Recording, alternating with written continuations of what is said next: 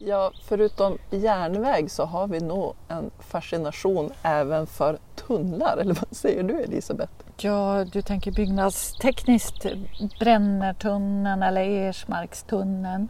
Ja, precis. Vi står ju faktiskt just nu vid en pinne, men det är ju här som är som det, det, det norra tunnelpåslaget på Ersmarkstunneln. Det är lite häftigt att tänka att här kommer det att bli en tunnel.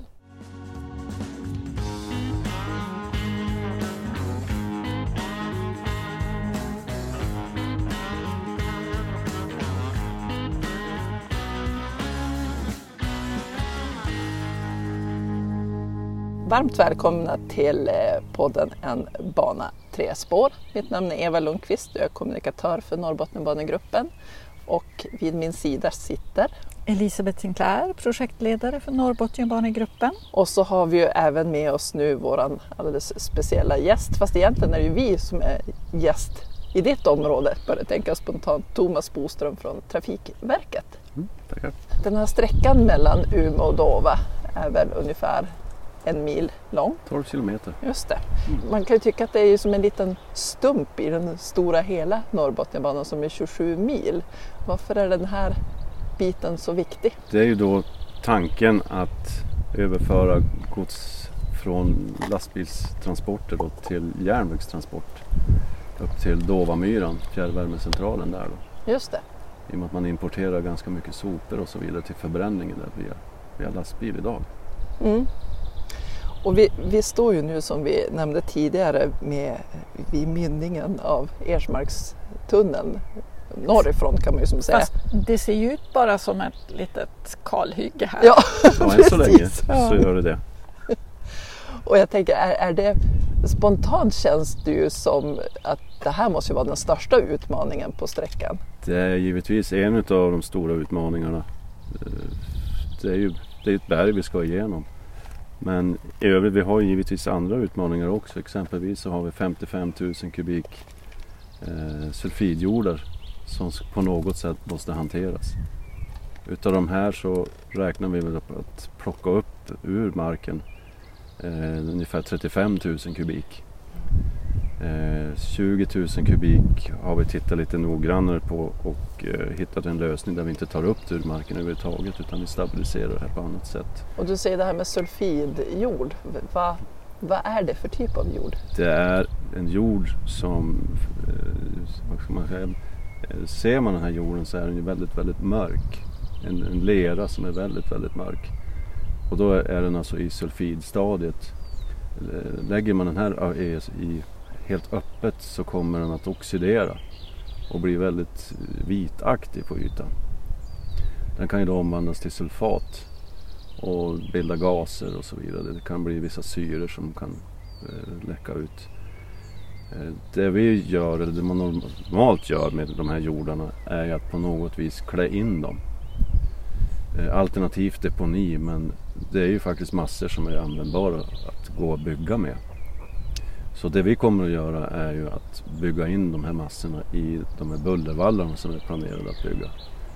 Så det man gör vissa åtgärder då för att inte det här ska läcka ut eh, i vattendragen och så vidare. Utan man klär in det här på ett speciellt sätt och behandlar det med kalk oftast då. Och sen lägger man över de massor över det här och täcker in dem helt och hållet så det blir syrefritt.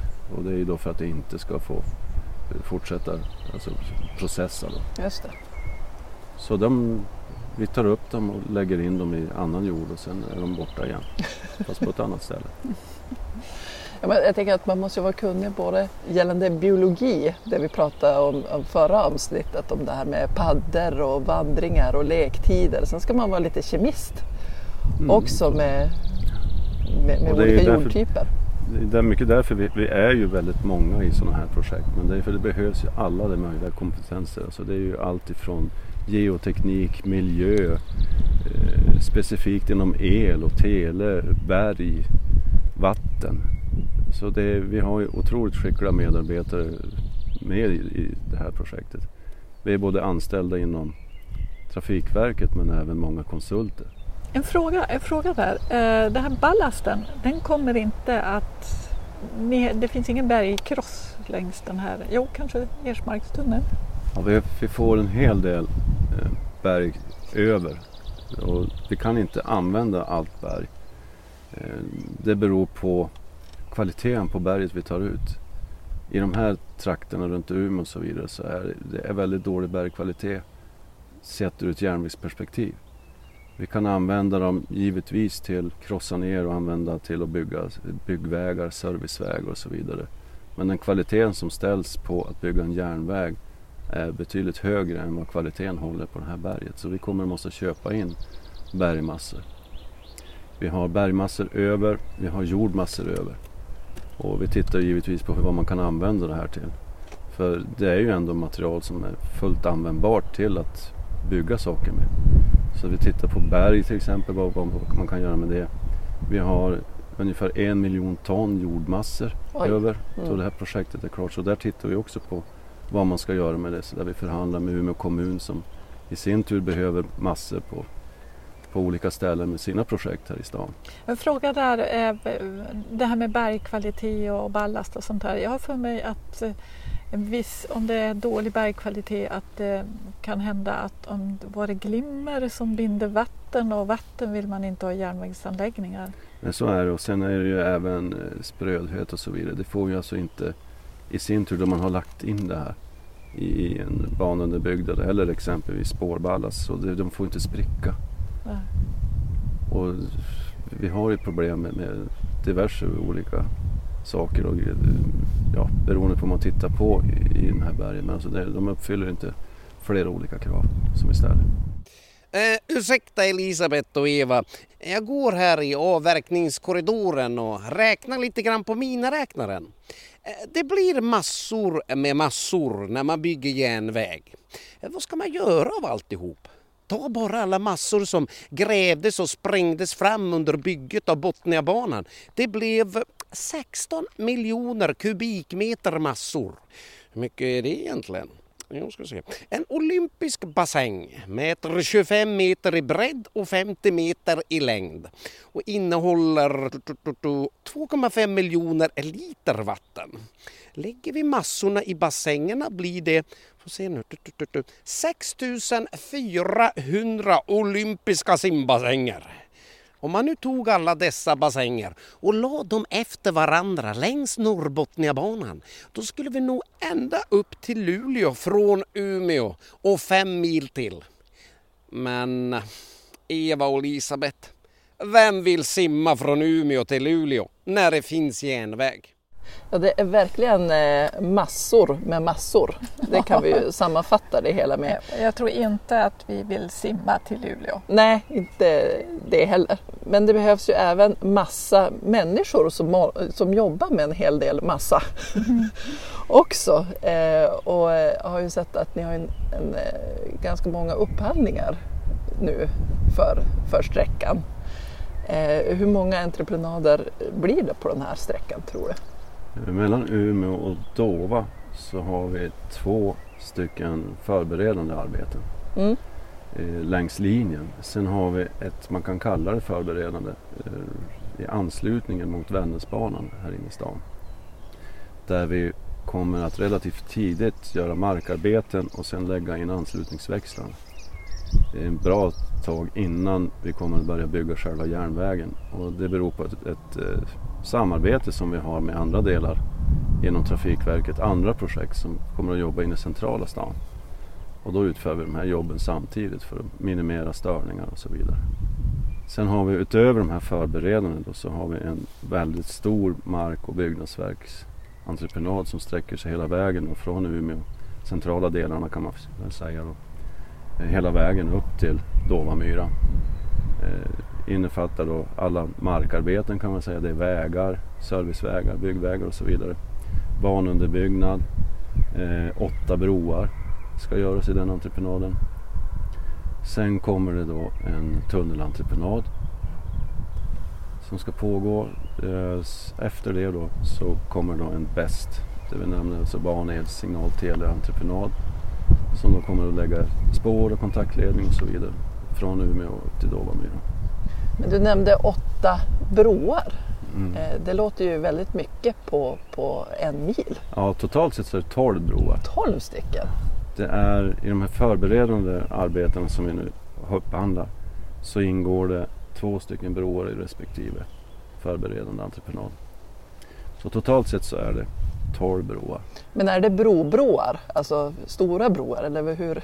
Det är lite varierande. Det är faktiskt så att en, det man kan kalla en bantrumma, alltså en, en trumma som överstiger två meter i bredd. Den kallas också för bro Okej, kretsen. Så egentligen så att man tänker sig så kan det faktiskt vara så att det är tio broar och två stora trummor. Just det. Så därför så är det då 12 broar totalt. Ja, för annars blir det ju som bara en enda stor bro låter det ju som. Men, Men då förstår jag. Det är lite olika mått på de här. Den längsta är ungefär 120 meter. Ja, det är lite grann som du nämnde det här med, med, väg, med vägbygge i, kopplat till järnväg. Det Mm. byggs ju så otroligt mycket mer vägar än järnväg när man bygger järnväg. Bygger, normalfallet är att man bygger ungefär dubbelt så mycket väg som järnväg. Just det. Jag går här och tänker i avverkningskorridoren. Tänk att det behövs så mycket väg för bygge och service av järnvägen.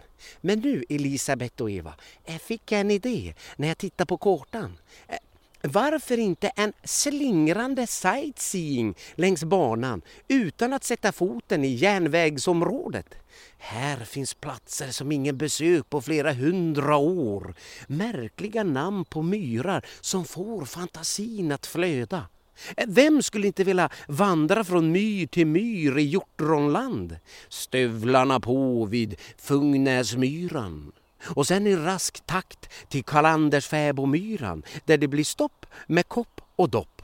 Därifrån följer vi järnvägen över Stormormyran och under järnvägen till Långmyrkroken och sen lite vila i Vilmyran. Sen får vi hasta över Degermyran och så under järnvägen vid Okroken till Fällmyran innan vi vänder tillbaka över järnvägen på vägbron och se, nu är vi framme i Dovamyran. Tja, eh, vill man utöka turen eh, kan vi erbjuda en deluxe-sväng med utsikt från Björningsberget och övernattning i Bobergsknabben. Där har ni ett myrkoncept som heter duga. Vilmyran. Vilket namn! Vem vill, vem vill ligga och vila i en myr? Ja, vem vill vila i en myr? Det kan jag hålla med om. Det lät inte sådär jätteangenämt. Ja. Eh, och förutom alla dessa myrar så kommer ju Norrbotniabanan även att passera över eh, Tavleån. Eller, Säger vi. ja, eller heter det Tavelån? Vad heter den där ån? Ja, som vi benämner det så är det ju faktiskt eh, Tavelån. Men eh, läser man det så står det ju Tavleån. Mm. Precis. Mm.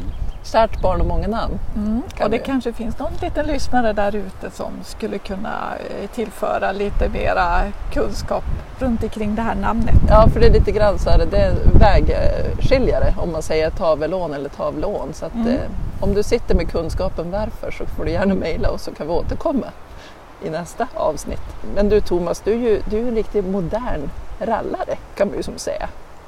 Du har ju jobbat inom järnvägssektorn väldigt länge. Ja, precis just nu den här månaden, juni 2020, så har jag gjort 40 år i järnvägen. Oj! Hur tycker du att arbetet har förändrats genom åren? Hur var det när du startade? Och varför började du jobba på järnvägen? Ja, 1980 då jag gick ut gymnasiet så fanns det inte så många arbetstillfällen här uppe i norr.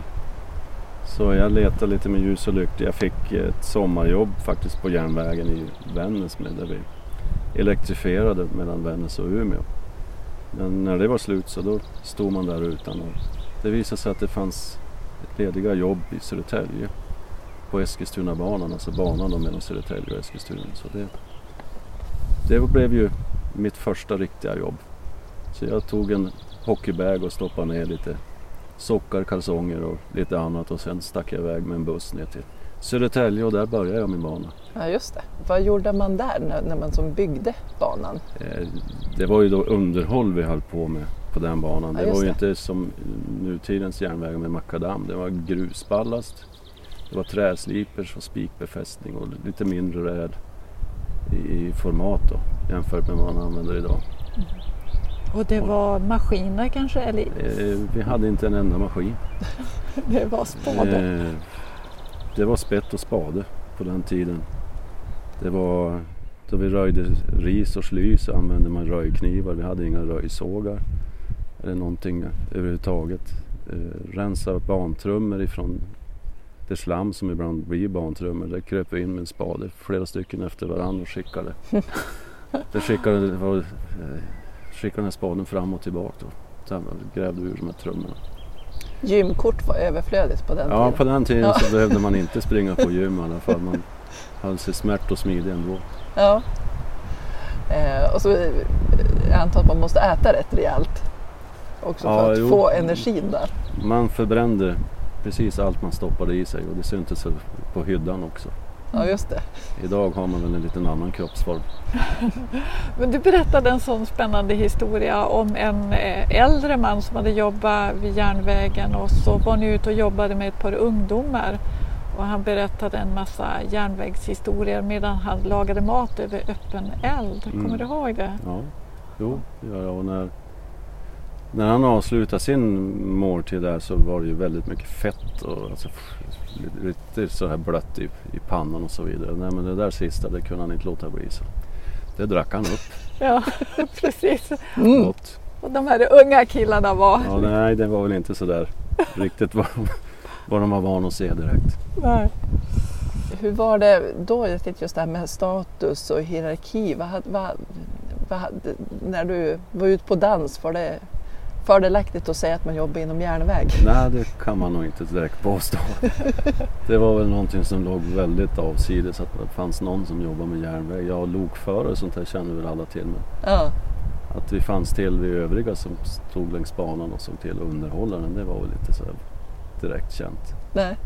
Och det var väl kanske ingenting man gick omkring heller med talade om Mm. vad man höll på med. Men, men och säga säger att ni höll på med underhåll och sen så var det någon som skulle godkänna arbetet. Vem var det?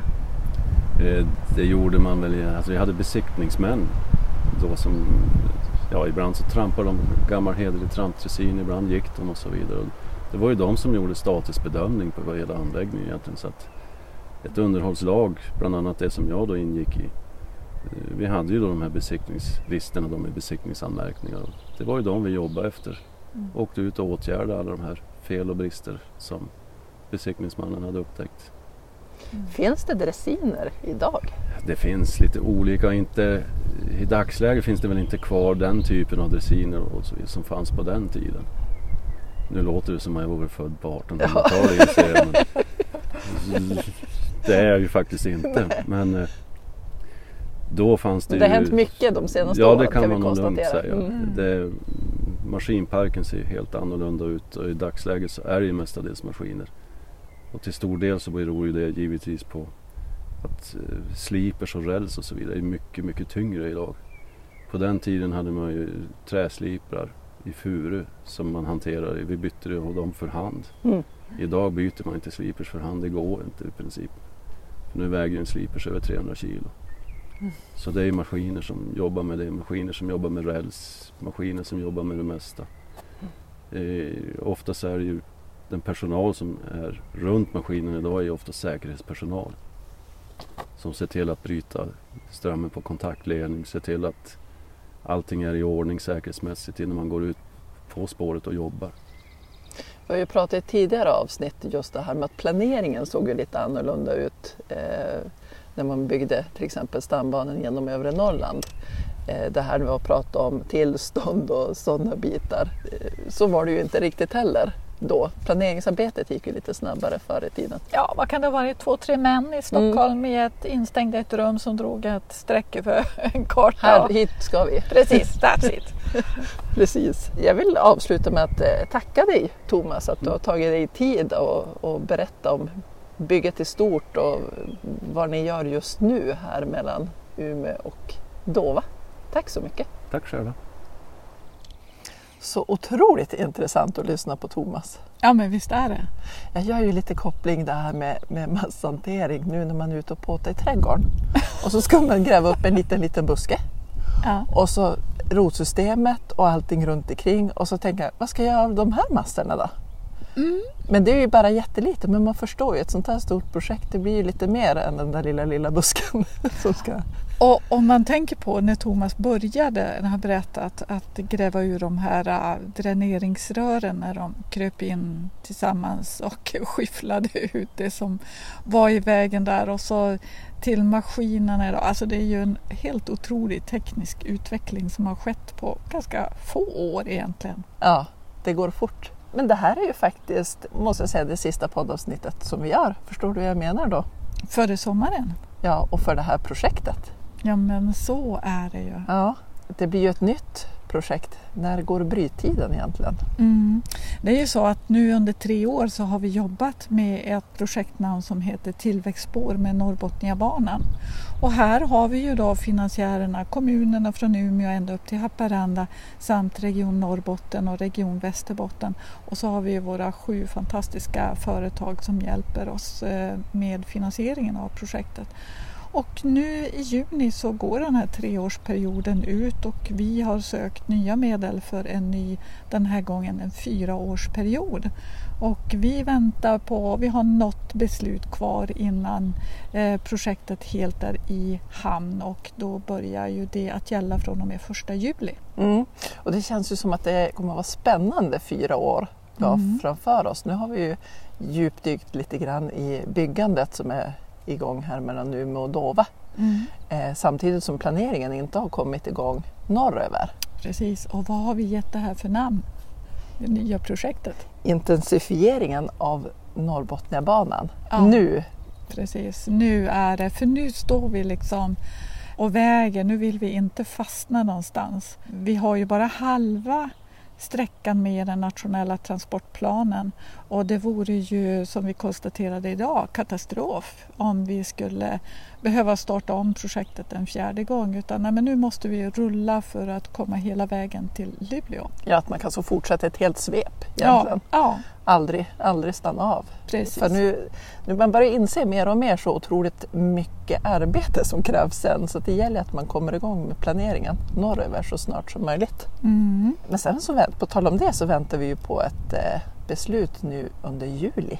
Ja, precis. Vi brukar ju vanligtvis vara i Almedalen men som alla vet så kan vi inte vara där. Och, men i början på juli, om det håller nu tidsplanen, så kommer Trafikverket att få ett besked från EU om det är så att man beviljar den ansökan som gick in i februari gällande förberedande planeringsarbeten för sträckan Skellefteå-Luleå. Och får vi de pengarna då är vi definitivt igång norrut. Ja, vad mycket att se fram emot efter sommaren. Mm, det blir en spännande höst. Mm. Och som sagt i vanlig ordning, har du fundationer så är det bara du mejla till info.norrbotniabanan.se Och du ska väl snart sätta igång och skriva en blogg? Ja, det var ju det! Denna blogg! Precis, man kanske i alla fall kan få sitta ute och Ja, njuta. precis! Underbart! Ja. Ha nu en riktigt fin sommar allihopa så hoppas att vi hörs snart igen. Hej då! Hej då!